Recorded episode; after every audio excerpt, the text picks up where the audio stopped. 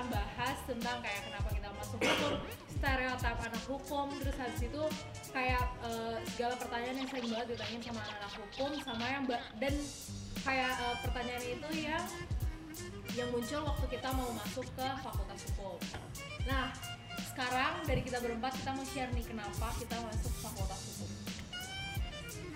Saya kenapa? kalau gua jadi dulu itu emang pada dasarnya pengen masuk hukum dari SMP malahan cuma gua consider buat milih IPA jurusan IPA buat di SMA itu karena orang-orang bilang logika anak IPA lebih kuat daripada anak IPS dan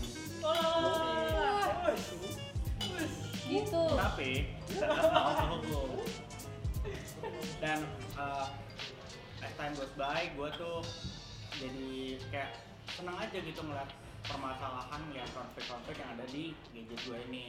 Terlebih lagi puncaknya itu kenapa gue masuk hukum itu karena uh, one of my family pernah kena kasus pernah maksudnya pernah dicurangin orang karena uh, hal yang menurut orang lain itu nggak nggak pas buat dijalanin gitu. Jadi kayak kasus hukum itu yang ngebentuk gua kasus hukum itu yang ngenyadarin gua kalau uh, gua harus masuk ke hukum kalau gua sendiri melihat Jaya itu karena dari itu dari gue keterima di Unpar, Unpar, Trisakti sama Atma Jaya. Dan ini Unpar gue lepasin karena dari orang tua gue sendiri ngebolehin gue keluar kota. Itu reason gitu. Tapi kalau yang Untar gue sebenarnya udah hampir bayar udah hampir banget bayar. Cuma di satu sisi gue milih buat ngetes gelombang terakhir. Atma atau kenapa uh, di hati hasil gue gue milih Atma gitu dan setelah gue baca pun uh, memang akreditasinya masih B cuma dari lulusan alumni itu banyak yang sampai sekarang udah jadi uh, 100 100 uh, top lawyer di Indonesia gitu nah kalau lu kan Kenapa ya? Eh, mungkin tadi Jose bilang dia suka, gue juga suka, cukup suka gitu dengan hukum. Cuma mungkin alasan lain karena emang gue menantang orang tua gue gitu. Gara-gara gara-gara dulu tuh pas SMA emang pengen banget masuk IPS, cuma nggak boleh. Dan emang nilainya cukup IPA gitu, jadi masuk IPA gitu kan. Terus habis itu em, pas mau masuk kuliah waktu itu dapat jalur undangan ke IPB sebenarnya itu nggak susah masuknya gitu karena cuma harus bikin esai. Dan emang udah ada uh, orang juga di sana teman yang di sana ada kelas di sana. Dan emang waktu itu dapat jalur undangan karena ikut organisasi gitu kan cuma emang basic yang nggak suka IPA gitu kan IPA gadungan gitu kan. Terus jadi kayak orang tua pengen di sana ya udah ditantangin balik aja. Nggak mau mau masuk hukum gitu jadi akhirnya ya udah masuk di sini gitu. Kalau lu sih Oh gua, lu nggak ada harap nggak ada motivasi. Gua masuk hukum tuh nggak tahu sih alasannya. Waktu itu suruh bokap kok ya. Bokap bilang katanya masuk hukum aja biar nanti ngurus surat-surat dia nanti. Ya kayak IMB gitu. Iya. IMB terus habis itu surat tanahnya dia Iya. sendiri yang mesti diurusin betul surat properti segala macam. Berguna banget. Ya iya berguna. Dulu tuh gua SMA gimana ya? Nilai gua kan bagus ya pas sama. Waduh, gimana? ya gua gua gua IPS dulu tuh nilai gua cukup. Berarti di sini gue IPA sendiri gitu ya? Enggak IPA juga. Oh IPA kan logika anak IPA tuh emang lebih tuh oh coba Iya. orang banyak kan orang nilai gue cukup buat IPS IPA bahasa cuman gue pilih IPS nah tadinya tuh di IPS ya udah lah ya dapat nilai bagus terus. Waduh bingung kan mau masuk jurusan apa kan? Terlalu pintar gitu Iya. ya terlalu Gua pintar ya. kayak bisa masuk semuanya gitu. Ya jadi bingung gitu kan tadinya gue pengen ini mau coba daftar UI gitu. Pakai seleksi rapor kan cuman nyokap gak kasih. Kenapa? Jauh banget ya? Dia jauh. Ngekos segala macam gitu. Baliknya ribet lama. Nah terus ya udah gue milih Atma karena waktu itu Atma kan baru ya di gue mikirnya sepi gitu. Enak nih kuliah sepi nih. Kuliah sepi nggak ada banyak gangguan kan. Kelas aman gitu.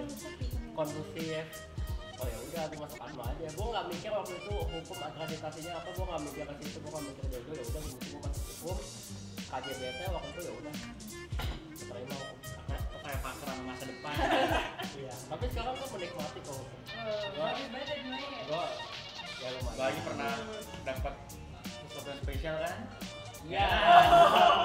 Kayak kan. Gak ada yang ngerti. Oke, lanjut. Kak Aaron kenapa? Jadi gue masuk hukum tuh awalnya gue nggak mau sama sekali nggak kepikiran. Tapi gue maunya masuk sesuatu yang sangat amat jauh yang bercabang kayak bertolak belakang banget yaitu gue masuk performing arts. Tapi mau mau ngelanjutin di dance gitu kan. Terus habis itu karena gue suka banget sama teater ter- tapi sama bokap gue nggak boleh nggak dibolehin. Terus dibilangnya kamu cari kuliah yang pasti-pasti aja dulu yang gelarnya yang punya gelar ya istilahnya. Jadi kayak gue dipaksa kuliah masuk hukum biar gue punya gelar terus habis itu eh, ya udah disuruh milih antara psikologi atau hubungan internasional. Dan gue nggak tertarik sama dua-duanya. Terus tiba-tiba sama SMA gue suka banget nonton segala hal yang berkaitan dan berbau crime. Pokoknya kayak kayak NCIS dan segala macem bawah-bawahannya itu. Terus nonton Korea tuh semua yang crime crime gue tontonin yang bunuh-bunuhan. Kayak seru aja. Terus habis itu kayak tertarik eh kenapa nggak masuk di hukum? Eh tadi mau masuk kriminologi. Tapi balik lagi mikir kayak, kenapa nggak masuk hukum aja yang lebih luas? Ya udah akhirnya masuk hukum. Terus habis itu kenapa Atma Jaya? Tadinya nggak mau Atma cuy.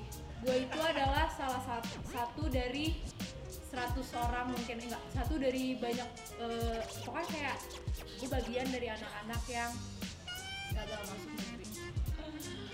Oh. jadi kayak udah udah nyoba segala segala jalur dari jalur undangan tapi nggak eh maksudnya kayak langsung seleksi jalur undangan gitu tapi nggak dapet.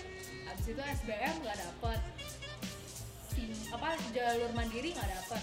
Terus gue nggak boleh ngerantau jadinya. Kayak kayak dibilang jangan ngerantau dan akhirnya yang milihin Atma Jaya pun bokap gue. Ya udah dan itu udah udah hopeless banget udah. Gue masuk Atma tuh udah pendaftaran terakhir bener-bener yang terakhir banget dan akhirnya masuk sini. Tapi nyaman sih seru-seru aja kuliah sekarang kita mau bahas tentang kayak stereotype orang-orang dan perspektif orang-orang terhadap anak-anak hukum terhadap fakultas hukum tuh kayak gimana. Kita tadi udah share di story Instagram DKM Eva UAJ BSD terus eh kita pilih nah ini apa benar di hukum itu harus ngafalin banyak pasal? Coba. Enggak enggak enggak. Kayak gue sih. enggak sih kalau Kalau pasal misalnya- itu sebenarnya kayak saya Iya, ke bawah kebiasaan aja. Kayak ke bawah ke bawah ke bawah kalau di hukum itu seperti eh, bukan sepertinya sih emang seharusnya tuh kita tuh mengerti bukan Iya, apa iya, apa iya. kalau ngerti bukan hafal. malah jadinya ntar kalau ditanya dosen ditanya praktisi tentang apa jadi kita nggak bisa jawab kalau Iya, cuma iya. Nah, terus kayak kalau dibilang harus ngafalin, kayak enggak. Tapi kayak nanti tuh setiap mata kuliah, setiap pelajaran kan nanti keluar pasal-pasal yang kayak yang sering keluar umum, gitu, iya. pasal-pasal umum yang sering keluar. Dan ujung 13.5. 13.5, 13.5, 13.20, Iya. 13.38, terus habis itu penipuan 378 14.23, gitu-gitu 14.23 berapa? Pas- eh, 1243 12.43 Iya. maksud gue. Terus 378 KUHP, 372 KUHP. Nah, baik banget kan? Baik Itu banget. biasa, itu udah biasa yang pasal-pasal umum jadi hafal dengan sendiri ya kayak untuk harus ngafalin enggak. Tapi benar, hukum itu lebih mengerti daripada hafal. Anak hukum nggak bisa ngitung. Terus Siapa ya? Siapa? Nah terus habis itu pertanyaannya nyambung juga masuk hukum karena nggak mau hitung-hitungan. Kata siapa? kita di hukum kayak belajar deh Belajar. Nah, kita belajar dasar kalau kita tuh pinter-pinter kalau Ya, di di nih ya, disclaimer. Disclaimer, masuk hukum bukan berarti kalian nggak akan ketemu angka. Betul. Masih ada statistik, dasar statistik. Terus habis itu ada pajak, ada waris. Ya meskipun nggak seribet matematika, tapi tetap kalian harus bisa ngitung. harus bisa ngitung gitu. Nah, anak hukum nggak bisa ngitung itu ya perlu mungkin ngomongin orang dong. Nah, Iya, mungkin, iya. mungkin itu tergantung orangnya nggak sih? Kalau misalnya orangnya emang beneran nggak bisa ngitung nggak bisa matematika ya udah emang nggak bisa ngitung. Tapi nggak mengeneralisasikan anak hukum nggak bisa ngitung. Masih banyak kok yang nilai-nilainya bagus. Kalau kita ngebela penjahat berarti kita ngebela yang salah dong. Gini, nah sabar sabar. Di gue mau cerita dulu. Waktu itu gue imlek waktu itu gue imlek di keluarga eh jangan sebut acaranya waktu itu gue di acara keluarga gue tiba-tiba gue kayak diserang sama saudara-saudara gue yang mereka jurusannya jurusan bisnis semua. Terus mereka bilang kamu masuk hukum kamu mau bela penjahat dong kamu mau jadi orang jahat mau jadi orang kotor. Coba dijawab. Gini gua tuh sebelum masuk hukum itu gua diajarin sama mentor gua. Adalah pokoknya orang ya mentor lah pokoknya mentor jadi dia tuh eh, dia dan pengacara lainnya tuh punya satu prinsip yang selalu dipegang sama dia. Kita itu bela orang jahat. Maksudnya kita tuh ngebela orang sekalipun orang itu jahat karena emang kebutuhan pekerjaan kita. Dan emang membela orang jahat itu gini loh kita mencoba memanusiakan manusia. Jadi kita mencoba untuk mengurangi uh, masa hukuman. Bukan berarti dia salah dan dia tidak dihukum. Nah, itu iya. salah. Kita Nah, kita kita- itu kita ngebe kita memben eh bukan bukan membenarkan perbuatannya kita nggak membela perbuatannya tapi kita bela hak haknya dia sebagai Nah, kita ma- manusia. kita memberikan kesempatan orang lain buat mendapatkan hak yang dia punya juga gitu. Jadi kayak kalau stigma bela orang salah kita udah pasti jahatin enggak tapi sebenarnya kan juga balik lagi ke kita juga kan tadi Jose bilang tuntutan pekerjaan cuma kan kita juga bisa milih gitu loh. Maksudnya nggak harus selalu kita harus terima gitu. Kita juga bisa milih kita bisa bantu yang mana gitu. Dan emang eh, menurut emang basicnya untuk manusia yang Karen bilang juga. Jadi emang bukan kayak ya udah lu salah tapi lu nggak dihukum nah, gitu konsepnya. Kayak kayak kalau lu salah terus kita bener-benerin itu enggak. Kalau dia salah ya udah kita tahu dia salah tapi kita masih bantu nih kayak hak apa yang bisa didapetin dan kita itu memang memberi keadilan gitu. Maksudnya keadilan itu kan juga memang relatif dan emang eh, nggak mungkin yang benar juga itu udah pasti adil dan nggak mungkin yang salah juga udah pasti adil. Iya itu tergantung Iya. tergantung Iya. orangnya sih. Makanya makanya kita- kenapa kita sering lihat banyak banyak lawyer yang salah salah tujuan lah atau Iya. lawyer yang salah salah jalan lah itu gue selalu punya pegangan di hidup gue satu Asik. satu kalimat gitu loh pokoknya kalimatnya itu kayak gini manners make it man jadi eh, apa yang eh, kita itu jadi orang. Karena apa yang kita eh, laluin dan apa yang kita mau laluin karena harapan kita dan karena emang kita pengen laluin. Jadi kalau kita bisa memilih ya kita milihnya ke jalan yang benar bukan jalan yang salah. Ada artikel yang bilang kuliah eh, apa kayak top 10 jurusan yang kuliahnya santai. Nomor satu hukum itu Gue- ya. ya gue bingung kayak ini yang bikin artikel nyari surveinya sampelnya yang mana gitu kan. Kayak itu kalau dibilang kredibel nggak sih? Nah makanya kalau menurut gue ini ini menurut pribadi aja ya. Dibilang eh ini apa kuliah santai itu balik lagi ke orangnya. Tapi kalau in general kuliah tuh jurusan apa pun gak ada yang santai karena semua tuh punya kesulitan masing-masing. Nah kalau kita ngomongin spesifik eh, tentang hukum kayak santainya di mana cuy?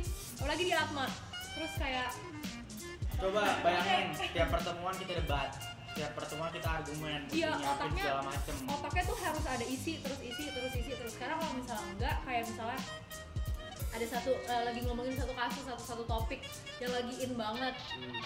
Ada lima orang gitu yang tahu yang bisa debat. Terus kita diem aja kita nggak tahu apa apa itu rasanya aneh banget. Jadi kayak mau nggak mau kita harus ngisi otak kita juga karena kita gitu. kalau misalkan kalian misalkan ya gua ngambil contoh misalkan eh, anak misalkan teknik mesin. Ya emang kesibukan dia untuk membuat mesin yang sepertinya Iya, dia sibuk kalau kita kerjanya kan cuma meneliti kasus iya. terus habis itu ngeliat ini cara solvingnya gimana ya makanya kita kelihatannya nggak sibuk padahal sebenarnya enggak gitu loh kemarin sebenarnya sibuk gitu Nah terus kalau yang namanya otak diisi tuh ya kita butuh waktu untuk baca, kita butuh waktu tadi kak Karen bilang untuk riset dan kita tuh Hmm. kerjanya ya makalah, paper makalah, paper dan itu tuh orang mikir cuma kayak ya lah apaan sih gampang banget anak SMA bisa enggak segampang itu men gitu. Itu beda banget ya. Beda banget, beda banget.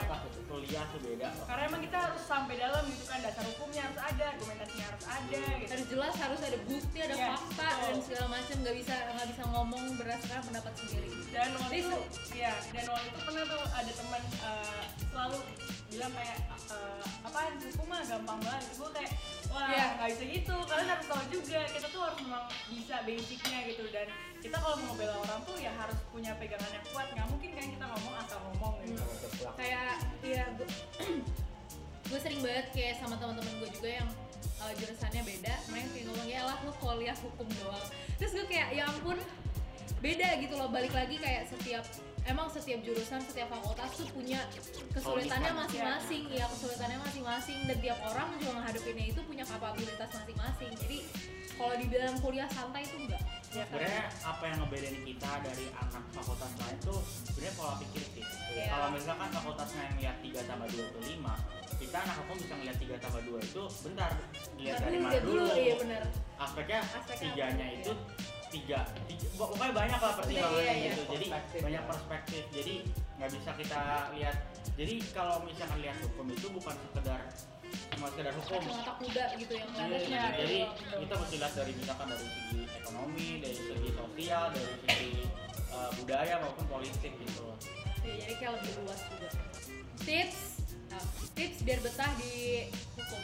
Yang pertama sebelum masuk hukum, benar-benar yakin dulu dari hati kalau mau masuk hukum. Jangan kayak masuk hukum karena kayak tadi mau menghindari menghindari pelajaran-pelajaran yang kalian gak suka. Terus habis itu kayak ngikut temen, kayak ah udah nggak tahu. Masuk aja ke hukum gitu jangan. Karena kayak buat kita aja yang suka sama hukum eh, masih struggle gitu loh buat survive di di dalam semesteran itu masih masih struggle masih capek gitu. Apalagi kalau misalnya kayak interest dari hati itu udah nggak ada. Kayak mau ngelanjutin juga mager. Terus habis itu apa? Kalau dari gua tips buat betah ya, kita enjoy.